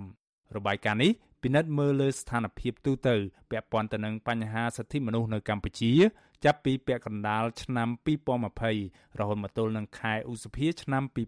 2021លោកវិទិតមុនតបនគូបញ្ជាក់ថាដោយសារតែវិបត្តិជំងឺ Covid-19 លោកមិនអាចមកធ្វើទស្សនកិច្ចនៅកម្ពុជាជាលើកដំបូងដោយផ្ទាល់បាននោះទេក៏ប៉ុន្តែលោកថាលោកបានជួបជាមួយនឹងដៃគូពាក់ព័ន្ធជាច្រើនតាមរយៈកិច្ចប្រជុំតាមប្រព័ន្ធអនឡាញ លោកសង្កត់ធ្ងន់នៅក្នុងសេចក្តីសន្និដ្ឋានរបស់លោកថាការពិតនៅកម្ពុជា ដែលគេអាចមើលឃើញនោះគឺថាសុខសន្តិភាពសិទ្ធិមនុស្សលទ្ធិប្រជាធិបតេយ្យនិងការអភិវឌ្ឍប្រកបដោយចីរភាពមិនអាចសម្រេចទៅបាននោះទេលុះត្រាណាតែអំណាចត្រូវបានចែករំលែកនៅក្នុងចំណោមគ្រប់ភាគីពាក់ព័ន្ធដែលមានភាពចម្រុះដើម្បីឲ្យពួកគេម្នាក់ម្នាក់ទទួលបានអារម្មណ៍ថាពួកគេ គឺជាម្ចាស់កំណត់ជោគវាសនារបស់ប្រទេសជាតិទាំងអស់គ្នា លោករំលឹកថាដូច្នេះហើយបានជាកិច្ចព្រមព្រៀងសន្តិភាពក្រុងប៉ារីឆ្នាំ1991កាលពី30ឆ្នាំមុន លើកឡើងពីការសន្យាថាកម្ពុជា គឺជាប្រទេសដែលកាន់យកលទ្ធិប្រជាធិបតេយ្យសេរីភូប៉ាប្រធានសមាគមការពារសិទ្ធិមនុស្សអាត6លោកនីសុខាយល់ថាការលើកឡើងរបស់អ្នករីកាពិសេសថ្មីរូបនេះឆ្លុះបញ្ចាំងពីការពិតនិងការវិវត្តចុងក្រោយនៅកម្ពុជា លោកថាការរកឃើញរបស់អ្នកជំនាញខាងសិទ្ធិមនុស្សរូបនេះគឺដូចគ្នាទៅនឹងអ្នករាយការណ៍ពិសេសមុនមុនដែរអ្វីដែលអ្នករាយការណ៍ពិសេសលោកបានលើកនៅក្នុងរបាយការណ៍ពេលនេះក៏មិនខុសប្លែកអីខ្លាំងអំពីអ្នករាយការណ៍ពិសេសដែលគេបានលើកមុនមុនដែរដែលគេបានរកឃើញអំពីស្ថានភាពនៅប្រទេសកម្ពុជាយើងដែលគេធ្លាប់បាន លើកពីកាលកន្លងមកហ្នឹងมันសូវជាខុសគ្នាអីប្រហែលទេបាទតកតទៅនឹងការរកឃើញអំពីការធ្លាក់ចុះនៃបញ្ហាសិទ្ធិមនុស្សពិសេសគឺតកតទៅនឹងសិទ្ធិសេរីភាពនៅក្នុងការបញ្ចេញមតិសិទ្ធិនយោបាយសិទ្ធិអីជាហោហែហ្នឹងគាត់ថាវាមានលក្ខណៈប្រហាក់ប្រហែលគ្នាហ្នឹង ស្រដៀងគ្នានេះដែរសម្រាប់នាយករងទទួលបន្ទុកកម្មវិធីឃ្លាំមើលនៃអង្គការលីកាដូលោកអំសមាតវិញលោកយល់ថាអនុសាសន៍ដាក់ចេញដោយអ្នករាយការណ៍ពិសេសរូបនេះគឺចង់ឃើញកម្ពុជាគោរពតាមស្តង់ដារអន្តរជាតិនៃគោលការណ៍សិទ្ធិមនុស្សដើម្បីធានានៅលទ្ធិប្រជាធិបតេយ្យពេញលេញខ្ញុំយល់ថាអនុសាសន៍របស់អ្នករាយការណ៍ពិសេសនេះវាជារឿងសំខាន់ពីព្រោះវាជារឿងមួយដែលជួយជំរុញឲ្យកម្ពុជាយើងអាចនឹងមាន លំហនៃលទ្ធិជាតិបតៃនឹងការគោរពសិទ្ធិមនុស្សពេញលេញនៅកម្ពុជាហើយអន្តរសាសន៍នេះគឺត្រូវឲ្យមានការកែប្រែនិងកែលម្អច្រើនបាទជាពិសេសតទៅនឹងបញ្ហាច្បាប់មួយចំនួនដែលគិតថាច្បាប់ខ្លះវាអាចរឹតបន្តឹងទៅលើសេរីភាពទៅលើសិទ្ធិរបស់ពលរដ្ឋណា អញ្ចឹងបើសិនជាមានការសន្ទនាមានការធ្វើវិសោធនកម្មខ្លះដើម្បីជាលំហនៃការគោរពតាមគោលការណ៍ស្តង់ដារអន្តរជាតិស្តីពីសិទ្ធិមនុស្សវាជារឿងមួយល្អវិសុវស៊ីស្រីមិនអាចតាក់ទងแนะនាំពាក្យនឹងជាសមាជិកគណៈកម្មាធិការសិទ្ធិមនុស្សកម្ពុជារបស់រដ្ឋាភិបាលលោកកតាអូនដើម្បីសូមអត្ថាធិប្បាយជុំវិញរបាយការណ៍ដំបូងរបស់អ្នករីកាពិសេសនេះបាននៅឡើយទេដោយសារលោកពុំលើកទូរស័ព្ទកាលពីល្ងាចថ្ងៃទី4ខែតុលា យ៉ាងណានៅក្នុងរបាយការណ៍ឆ្លើយតបរបស់រដ្ឋាភិបាល ដាក់ជូនក្រុមប្រឹក្សាសិទ្ធិមនុស្សរបស់អង្គការសហប្រជាជាតិជុំវិញការរកឃើញរបស់អ្នករាយការណ៍ពិសេសនេះរដ្ឋាភិបាលបញ្ជាក់ថាខ្លួនស្រងាក់ចិត្តចំពោះការចាត់ប្រកាសរាប់មិនអស់នៅក្នុងរបាយការណ៍នេះដែលរដ្ឋាភិបាលអះអាងថាធ្វើឡើងដោយខ្វះភ័ស្តុតាង ហើយភាកច្រើនជាព័ត៌មានផ្ដល់ដោយក្រុមប្រឆាំងនិងសម្ព័ន្ធភាពរបស់ពួកគេ រដ្ឋាភិបាលគូបញ្ជាក់ថាជារួមរបាយការណ៍នេះផ្ដោតលើបញ្ហានានា ដែលបានលើកឡើងដោយអ្វីមួយដែលរដ្ឋាភិបាលហៅថាជាក្រុមខុសច្បាប់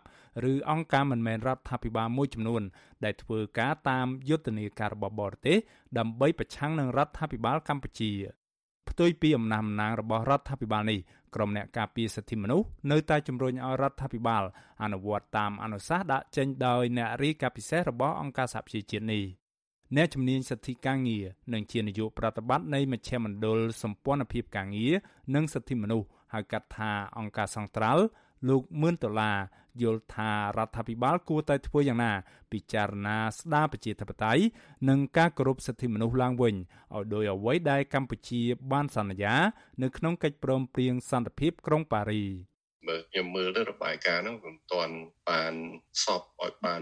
100%នៅអ្វីដែលយើងអ្នកដែលធ្វើការនៅនៅក្រៅនេះមើលឃើញក៏ដោយក៏ប៉ុន្តែយ៉ាងណាគាត់បាន cover ច្រើនគាត់បាននិយាយច្រើនពាក់ព័ន្ធនឹងបញ្ហាសិទ្ធិមនុស្សនៅប្រទេសកម្ពុជាស្ងាត់ហ្នឹងហើយខ្ញុំមើលទៅគឺរឿងមួយដែលរដ្ឋាភិបាលឬអាជ្ញាធរកម្ពុជានឹងពិចារណាហ្នឹងគឺរឿងស្ដារប្រជាធិបតេយ្យឡើងវិញនឹង ស្ដារប្រជាធិបតេយ្យស្ដារការគ្រប់សិទ្ធិនោះស្របតាមអ្វីដែលយើងបានសន្យានៅក្នុងកិច្ចព្រមព្រៀងក្រុងប៉ារីសនឹងឯងបាទរីឯលោកនីសុខាវិញលោកក៏ចង់ឃើញរដ្ឋាភិបាលទទួលយកអនុសាសន៍របស់អ្នករាយការណ៍ពិសេសរបស់អង្គការសហប្រជាជាតិរូបនេះដើម្បីធ្វើយ៉ាងណាកែលម្អប្រទេសជាតិសម្រាប់ពលរដ្ឋទាំងអស់គ្នា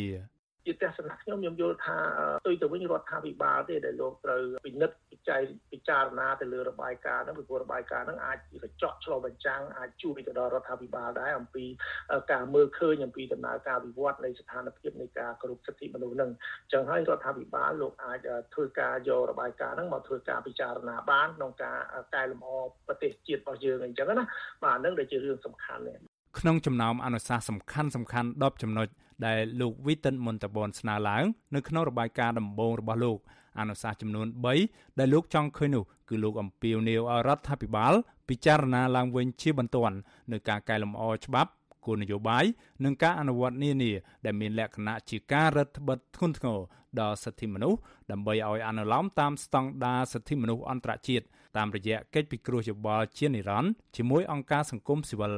លោកជំរុញឲ្យរដ្ឋាភិបាលបញ្ឈប់ការស៊ើបអង្កេតនិងការផ្ដន់ទាទោសសមាជិកគណៈបពប្រឆាំងក្រុមអ្នកការពារសិទ្ធិមនុស្សសកម្មជនសង្គមស៊ីវិលនិងអ្នកសារព័ត៌មានដែលធ្វើយ៉ាងណាបើកចំហលំហដើម្បីឲ្យមានកិច្ចសន្ទនាការផ្សះផ្សាជាតិនិងការស្ដារស្ថាប័នជាតិឡើងវិញ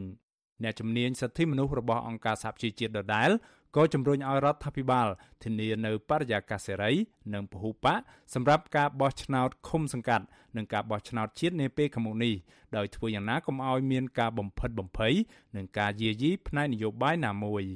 ខ្ញុំបាទមេរិត Visual C សេរីរាយការណ៍ពីរដ្ឋធានី Washington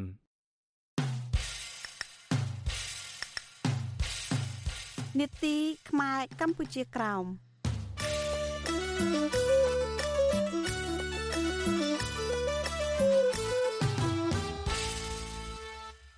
បលូននាងជាទីមេត្រី អង្គការសមាគមខ្មែរកម្ពុជាក្រោមបន្តមានការសង្ស័យចំពោះការចាប់ខ្លួនអតីតព្រះចៅអធិការវត្តវង្គតបុរីសេរីភ្នំពេញដាក់ពន្ធនាគារដោយអាចកម្បាំងអស់រយៈពេលជិត1ខែមកហើយនេះសមាគមខ្មែរកម្ពុជាក្រោមស្នើឲ្យរដ្ឋាភិបាលលោកហ៊ុនសែនពិចារណាផ្ដល់សេចក្តីសុខដល់ប្រជាពលរដ្ឋខ្មែរកម្ពុជាក្រោមដោយប្រជាពលរដ្ឋខ្មែរផ្សេងទៀតដែរពីរដ្ឋធានី Washington លោកយុនសាមៀនមានសេចក្តីរាយការណ៍ជំវិញព័ត៌មាននេះ មន្ត្រីសមាគមខ្មែរកម្ពុជាក្រោមសង្ស័យថាការចាប់ខ្លួនលោកប៉ាងសូដាអតីតប្រជាអធិការវត្តវង្គតបរិយសេរីភ្នំពេញដោយចោទពីបទបំពានវិធានការទប់ស្កាត់ការឆ្លងជំងឺ Covid-19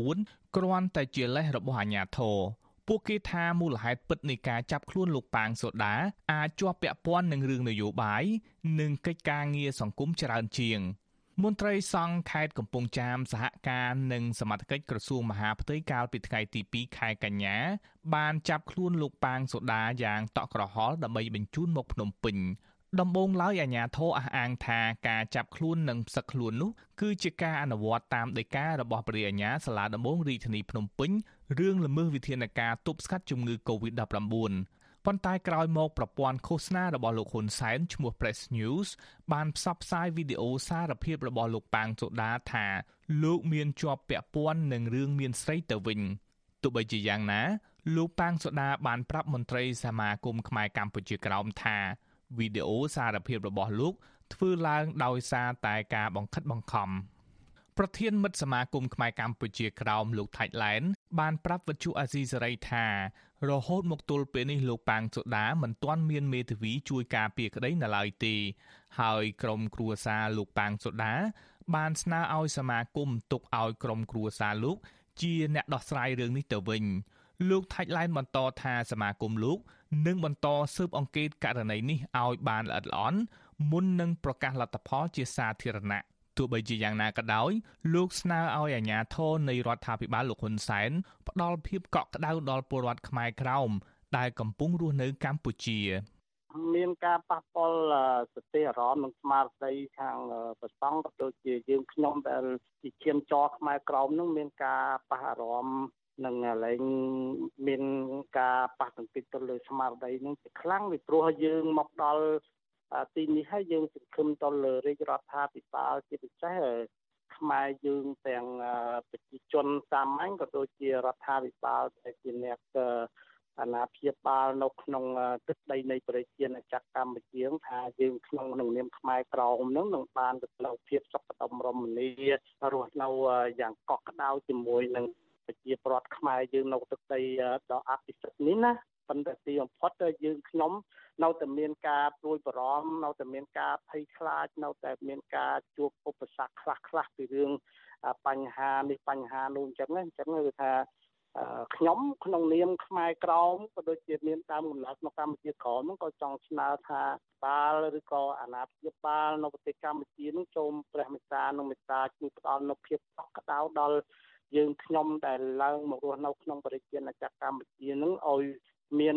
សេចក្តីសុខខ្សែមខ្សានដូចជាពលកម្ពុជាទូទៅក្នុងប្រទេសកម្ពុជាផងនឹងនឹងជាការស្នើសុំរបស់ខ្ញុំតល់លោកប៉ាងសូដាកើតកាលពីឆ្នាំ1968នៅស្រុកតាវិចខេត្តឃ្លៀងកម្ពុជាក្រោមលោកបានទទួលតួនាទីជាប្រជាអធិការវត្តនៅស្រុកចំការលើខេត្តកំពង់ចាមចាប់តាំងពីឆ្នាំ1995រហូតមកទល់ពេលចាប់ខ្លួន កាលពីដើមខែកញ្ញា ក្រៅតែជាចៅអធិការវត្តលោកក៏ជាអតីតទីប្រឹក្សា និងធម្មទូតសម្ដេចព្រះសង្ឃរាជនុនង៉ែតទៀតផងលោកប៉ាងសូដាក៏តែងតែជួយសង្គមដូចជាឧបត្ថម្ភថវិកាស្បៀងអាហារនិងសម្ភារៈដល់ពលរដ្ឋក្រីក្រនិងរងគ្រោះដោយសារជំងឺ Covid-19 លើសពីនេះលោកក៏យកចិត្តទុកដាក់ទៅលើពលរដ្ឋខ្មែរក្រោមតាមរយៈការធ្វើការងារជាមួយនឹងអង្គការសមាគមខ្មែរក្រោមនិងកម្មវិធីមនុស្សធម៌នានា ប្រធាននាយកដ្ឋានព័ត៌មានសហព័ន្ធខ្មែរកម្ពុជាក្រោមព្រះភិក្ខុសើងយើងរតនាមានថរណីកាថាអាញាធរគួរតែផ្ដាល់យុត្តិធម៌និងដោះលែងលោកប៉ាងសូដាពីព្រោះលោក បានសារភាពពីកំហុសរបស់លោកហើយទោះបីការសារភាពនោះជាការបង្ខិតបង្ខំក៏ដោយព្រះអង្គបន្តថាការបដិសេធមិនដោះលែងលោកប៉ាងសូដារឹតតែបង្កើតចម្ងល់ថែមទៀតជុំវិញការចាប់ខ្លួននេះ ករណីលោកប៉ាងសូដានឹងជារឿងអាកំបាំងព្រោះប្រថាក្រោយពីអាជ្ញាធរកម្ពុជាសហការជាមួយនឹងប្រាក់មេគុណខេត្តកំពង់ចាមបានចាប់សឹករួចហើយស្រាប់តែបញ្ជូនទៅភ្នំពេញនឹងបាត់ខ្លួនអស់មួយរយៈពេលហើយស្រាប់តែក្រោយមកឃើញគាត់ចេញសារភាពហើយបន្ទាប់ពីសារភាពហើយក៏អាជ្ញាធរកម្ពុជានឹងក៏បានចាប់គាត់យកទៅ ឃុំឃាំងនៅពន្ធនាគារព្រៃសរហើយក៏មិនទាន់ឃើញដេកាចេញប្រកាសជាសាធារណៈថាលោកប៉ាងសូដានឹងបានខុសទោសកំហុសអ្វីមួយជាមួយនឹងរដ្ឋាភិបាលកម្ពុជាដែរដូច្នេះជារឿងអាកំបាំងបើហើយដូច្នេះសហព័ន្ធខ្មែរកម្ពុជាក្រមនៅតែទទូចសូមឲ្យអាជ្ញាធរកម្ពុជានឹងត្រូវតែស្វែងរកនៅភាពយុត្តិធម៌ជូនដល់លោកប៉ាងសូដានិងក្រុមគ្រួសាររបស់គាត់ផងបើ ទោះបីសមាគមខ្មែរក្រោមស្នើដោយទទូចឲ្យអាជ្ញាធរដោះលែងលោកប៉ាងសូដាក៏ដោយក៏មន្ត្រីពន្ធនាគារព្រៃសរឲ្យដឹងថាបច្ចុប្បន្នលោកប៉ាងសូដាកំពុងជាប់ឃុំពីបទបំពានបំរាមវិធានការការពារជំងឺ Covid-19 កន្លងមកព្រះសង្ឃខ្មែរក្រោមជាច្រើនអង្គបានភៀសព្រះកាយពីប្រទេសវៀតណាមដើម្បីមករស់នៅស្រុកខ្មែរដោយសង្ឃឹមថារដ្ឋាភិបាលខ្មែរនឹងអនុញ្ញាតឲ្យព្រះសង្ឃខ្មែរក្រោមគង់នៅបានសុខ ប៉ុន្តែការគិតរបស់ព្រះសង្ឃខ្មែរក្រោមមិនបានคล้ายជាការពិតនោះទេព្រះសង្ឃខ្មែរក្រោមជាច្រើនអង្គដែលហ៊ានរិះគន់រដ្ឋាភិបាលវៀតណាមរឿងរំលោភសិទ្ធិសាសនា និងសិទ្ធិមនុស្សនៅលើទឹកដីកំណើតត្រូវបានអាជ្ញាធរខ្មែរសហការនឹងវៀតណាមចាប់ប្រកាយបញ្ជូនទៅដាក់ពន្ធនាគារនៅវៀតណាមនិងខ្លះទៀតត្រូវភៀសប្រកាយទៅសុំសិទ្ធិជ្រកកោននៅបរទេសដើម្បីគេចផុតពីការធ្វើទុកបុកម្នេញរបស់អាជ្ញាធរវៀតណាម និងកម្ពុជាខ្ញុំយុនសាមៀនអាស៊ីសេរីពីរដ្ឋធានី Washington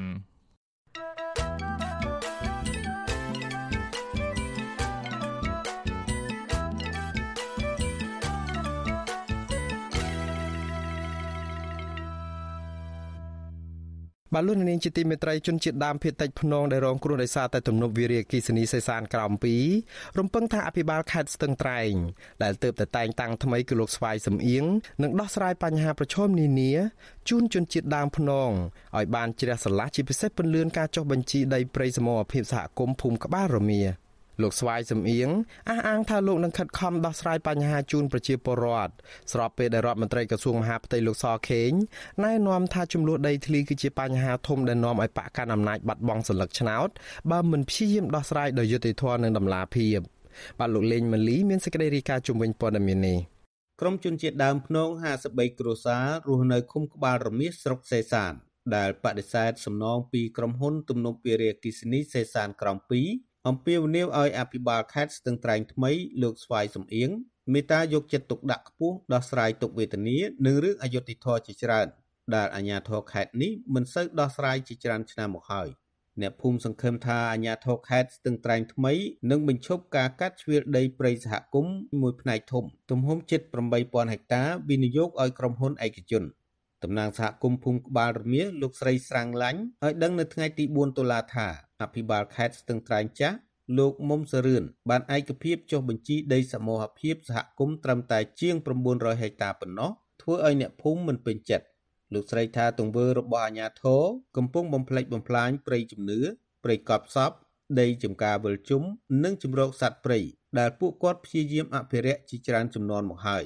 លោកស្រីសង្ឃឹមថាភិបាលខេត្តថ្មីនឹងដោះស្រាយបញ្ហាប្រឈមនេះធ្វើយ៉ាងណាឲ្យសហគមន៍មានសុវត្ថិភាពដីធ្លីច្បាស់លាស់ដែលជាផ្នែកមួយលើកកម្ពស់ប្រពៃណីនិងវប្បធម៌ជនជាតិដើមភាគតិចភ្នំ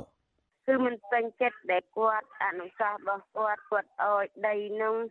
តិចពេកអោយសហគមន៍តែ991ហាត់នឹងបាត់បង់ព្រៃសហគមន៍ជាច្រើន បាត់បង់ព្រៃអរិយព្រៃជំនឿបាត់បង់ចង្ការវលជុំជាច្រើនស្ត្រីដដាលបន្ថែមថាពួកគាត់មិនព្រមទទួលសំណងហើយរំកិលមករស់នៅលើទីទួលសុវត្ថិភាពជាង4ឆ្នាំ ទាំងលំបាកវេទនាដោយសារស្ដាយព្រៃឈើគេដូនតា ហេតុនេះលោកស្រីចង់អភិរក្សព្រៃឈើនិងសត្វព្រៃឲ្យគង់វង្សហើយប្រសិនបើអាជ្ញាធរជ្រៀលព្រៃសហគមន៍ដ៏ធំសម្បើមវិនិយោគឲ្យក្រុមហ៊ុនឯកជននឹងបង្កគ្រោះថ្នាក់ដល់ជីវិតរស់នៅធ្វើឲ្យពលរដ្ឋរងគ្រោះម្ដងហើយម្ដងទៀតពីគម្រោងអភិវឌ្ឍគ្មានទីបញ្ចប់តកតងបញ្ហានេះដែររដ្ឋមន្ត្រីក្រសួងមហាផ្ទៃលោកសខេងបានណែនាំដល់អភិបាលខេត្តស្ទឹងត្រែងដែលទើបតែងតាំងថ្មី ឲ្យប្រមូលបញ្ហាចំនួនដីធ្លីដោះស្រាយជូនពលរដ្ឋដោយយុត្តិធម៌និងតម្លាភាពលោកដាស់តឿនឲ្យលោកស្វាយសំអៀងយកចិត្តទុកដាក់បំពេញភារកិច្ចអនុលោមតាមគោលនយោបាយច្បាប់និងលិខិតបទដ្ឋានជាធរមានជៀសវាងប្រើប្រាស់ទូនីតិមិនត្រឹមត្រូវដោយមិនប្រកាន់បពពួកនិងគ្រួសារនិយមខ្ញុំគិតថាយើងខិតខំប្រមូលបញ្ហា ដែលយើងថាបញ្ហាប្រឈមបញ្ហាអសកម្ម ដូចជាទំនាស់ដីធ្លីជាដើមឡើយប្រមូលឲ្យអស់យកមកដោះស្រាយឲ្យមានការគ្រប់គ្រងពីក្រមការងារផងចំណែកអភិបាលខេត្តស្ទឹងត្រែងថ្មីលោកស្វាយសំអៀងបដិញ្ញាអនុវត្តទូនីតិនិងភារកិច្ចនិងខិតខំប្រឹងប្រែងដោះស្រាយបញ្ហាប្រឈមនានាជូនពលរដ្ឋស្របតាមគោលនយោបាយច្បាប់និងលិខិតបទបញ្ជារបស់រដ្ឋាភិបាលដោយទទួលខុសត្រូវនៅអភិក្រមទាំង5របស់ថ្នាក់ដឹកនាំ បញ្ញាយកចិត្តទុកដាក់ដោះស្រាយទុកលំបាករបស់ប្រជាពលរដ្ឋកាត់បន្ថយអំពើរំលោភច្បាប់បំពានច្បាប់និងភាពអយុត្តិធម៌ក្នុងសង្គមដោយប្រកាន់ជាប់នៅអភិក្រមទាំង5របស់សម្ដេចតេជោនាយករដ្ឋមន្ត្រីគឺឆ្លុះបញ្ចក់អ៊ូទឹកដោះក្អែលជាបាល់និងវះកាត់ឆ្លើយតបរឿងនេះអ្នកនាំពាក្យសាលាខេត្តស្ទឹងត្រែងលោកម៉ែនគង់ប្រាប់វិទ្យុអស៊ីសេរីថាការដោះស្រាយបញ្ហាប្រឈមរបស់ពលរដ្ឋគឺផ្អែកតាមនីតិវិធី ហើយការទទួលយកសំណើឬសំណុំពរនានាគឺពលរដ្ឋនៅតែអាចដាក់ពាក្យស្នើសុំដោះស្រាយបើទោះបីជាមានការផ្លាស់ប្ដូរអភិបាលខេត្តក្តីលោកថាអភិបាលខេត្តលោកមុំសរឿនធ្លាប់ចុះជួបតំណាងសហគមន៍ដោយបង្ហាញប្រាប់ពីទំហំផ្ទៃដីលក្ខណៈបច្ចេកទេសដែលអាចចុះបញ្ជីសមរភាពបាន មានទំហំជាង900ហិកតាព្រៃសហគមន៍ភូមិក្បាលរមៀសមានផ្ទៃដី7836ហិកតា ហើយសហគមន៍បានស្នើសុំចុះបញ្ជីជាព្រៃអភិរក្សតាំងពីឆ្នាំ2012តែអាជ្ញាធរខេត្តស្ទឹងត្រែងបានបដិសេធរីឯក្រសួងមហាផ្ទៃបានសម្រេចចុះបញ្ជីជនជាតិដើមភាគតិចរស់នៅតំបន់នោះជាស្វ័យអត្តសញ្ញាណកាលពីឆ្នាំ2018ព្រៃសហគមន៍នេះក្រមជនជាតិដើមភាគតិចបានកំណត់លក្ខន្តិកៈផផែនទីបទបញ្ជាផ្ទៃក្នុង និង GPS កំណត់ព្រំប្រទល់ ដែលមានការជួយជ្រោមជ្រែងពីអង្គការសង្គមស៊ីវិលនិងមន្ទីរអភិវឌ្ឍជនបទជុំវិញរឿងនេះមន្ត្រីសង្គមស៊ីវិលមើលឃើញថាអភិបាលខេត្តស្ទឹងត្រែងថ្មីលោកស្វាយសំអៀងមានបទពិសោធន៍ច្រើនដោះស្រាយបញ្ហាប្រឈមជូនជនជាតិដើមភាគតិច និងស្វែងយល់ពីសុខទុក្ខជនជាតិដើមទាំងនោះអភិបាលខេត្តរូបនេះបានជំរុញឲ្យមានការចុះបញ្ជីដីសមូហភាពក្នុងខេត្តមណ្ឌលគិរីបាន6សហគមន៍ ក្នុងពេលដែលលោកកាន់តំណែងជាអភិបាលខេត្តជាង6ឆ្នាំមន្ត្រីសម្របសម្រួលសមាគមអាត់ហុកខេត្តស្ទឹងត្រែងលោកប៊ីវ៉ានីសង្ឃឹមថាអភិបាលខេត្តស្ទឹងត្រែងថ្មីនឹងដោះស្រាយបញ្ហានានាជូនជនជាតិដើមភាគតិចភ្នងដោយយុត្តិធម៌និងគោរពសិទ្ធិពលរដ្ឋដែលស្នើសុំឲ្យមានការយកចិត្តទុកដាក់ដោះស្រាយក្តីកង្វល់ជាច្រើនឆ្នាំមកហើយលោកថាសំណើរបស់ពលរដ្ឋចង់ថែរក្សាធនធានធម្មជាតិនិងព្រៃឈើឲ្យបានល្អព្រោះជីវិតរស់នៅរបស់ជនជាតិដើម គឺពឹងអាស្រ័យទាំងស្រុងលើធនធានធម្មជាតិមិនចង់ឲ្យអាជ្ញាធរប្រគល់ដីព្រៃវិនិយោគឲ្យក្រុមហ៊ុនឯកជននោះទេភាគច្រើននៅមណ្ឌលគិរីគឺសិតតែជនជាតិដើមភាគតិចហើយយើងសង្ឃឹមថាគាត់នឹងបានដឹងពីទុកលំបាកឬក៏ផលលំបាករបស់ជនជាតិដើមភាគតិចហើយគាត់នឹងជំរុញឲ្យមានដំណោះស្រាយជូនប្រជាពលរដ្ឋជាជនដើមភាគតិចដែលគាត់មានផលប៉ះពាល់ពីក្រុមហ៊ុនសេសានផងនិងពីក្រុមហ៊ុនដីសម្បត្តិស៊ីកិច្ចផងយើងសង្ឃឹមអញ្ចឹងឯងរីឯអគ្គលេខាធិការសម្ព័ន្ធជនជាតិដើមភាគតិចកម្ពុជា លោកយុនលរងវិញលោកគិតថាអភិបាលខេត្តថ្មីនឹងយកចិត្តទុកដាក់ការពារសុវត្ថិភាពដីធ្លីតាមរយៈចុះបញ្ជីដីសមរភាពជូនជនជាតិដើមភាគតិចដើម្បីរក្សាបានប្រពៃណីវប្បធម៌និងជីវភាពរស់នៅរបស់ពួកគាត់លោកថាព្រៃឈើនៅភូមិក្បាលរមៀនៅសេសសល់ព្រៃតិចតួចប៉ុណ្ណោះរដ្ឋាភិបាលពុំគួរកាត់ជ្រៀលបន្ថែមទៀតវិនិយោគឲ្យក្រុមហ៊ុនចិននោះទេព្រោះទង្វើនេះនឹងបំផ្លាញធនធានធម្មជាតិជីវៈចម្រុះនិងសត្វព្រៃទាំងស្រុង។ លោកយល់ថាអាជ្ញាធរខេត្តស្ទឹងត្រែងគួរតែឯកភាពតាមសំណើរបស់សហគមន៍ចុះបញ្ជីដីសមូហភាពដើម្បីស្ដារមុខមាត់រដ្ឋាភិបាលដែលជំលះពលរដ្ឋចេញពីលំនៅឋានក្រោមរូបភាពអភិវឌ្ឍទំនប់វារីអគ្គិសនីយើងមើលឃើញថាភាគច្រើនគឺ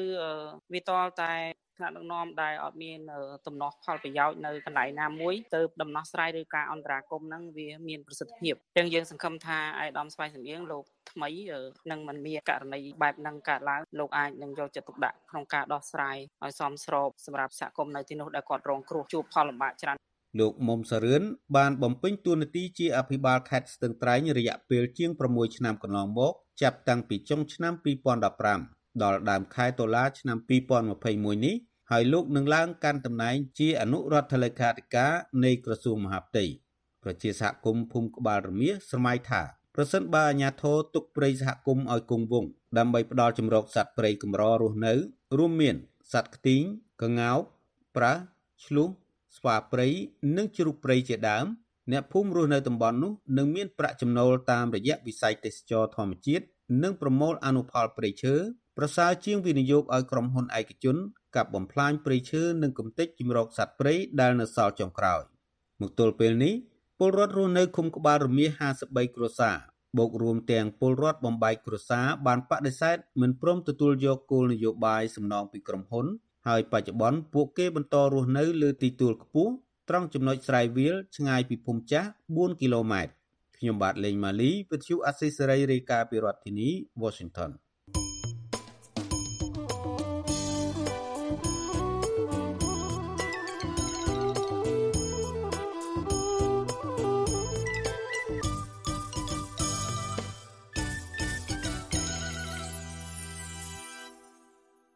បាទលោកនាងជាទីមេត្រីជាបន្តទៅទៀតនេះខ្ញុំបាទមួងណារ៉េតសូមជូនព័ត៌មានបញ្ចប់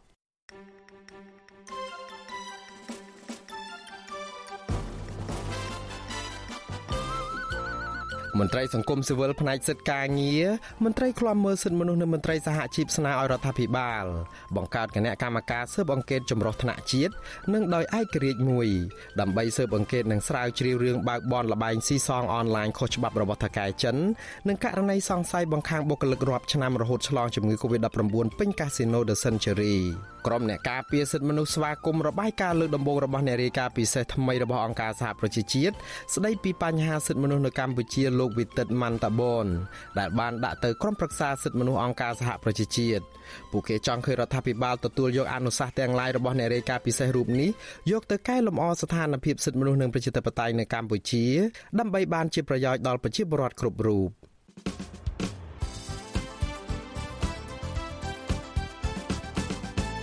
បាទលោកនាងកញ្ញាអ្នកស្ដាប់ជាទីមេត្រីការផ្សាយរយៈពេល1ម៉ោងជាភាសាខ្មែររបស់វិទ្យុអាស៊ីសេរីនៅពេលនេះចប់តែប៉ុណ្ណេះយើងខ្ញុំសូមជូនពរដល់លោកនាងព្រមទាំងក្រុមគ្រួសារទាំងអស់ឲ្យជួបប្រកបតែនឹងសេចក្តីសុខចម្រើនរុងរឿងកំបីគ្លៀងគ្លាតឡើយខ្ញុំបាទមុងណារ៉េតព្រមទាំងក្រុមការងារទាំងអស់នៃវិទ្យុអាស៊ីសេរីសូមអរគុណនិងសូមជម្រាបលា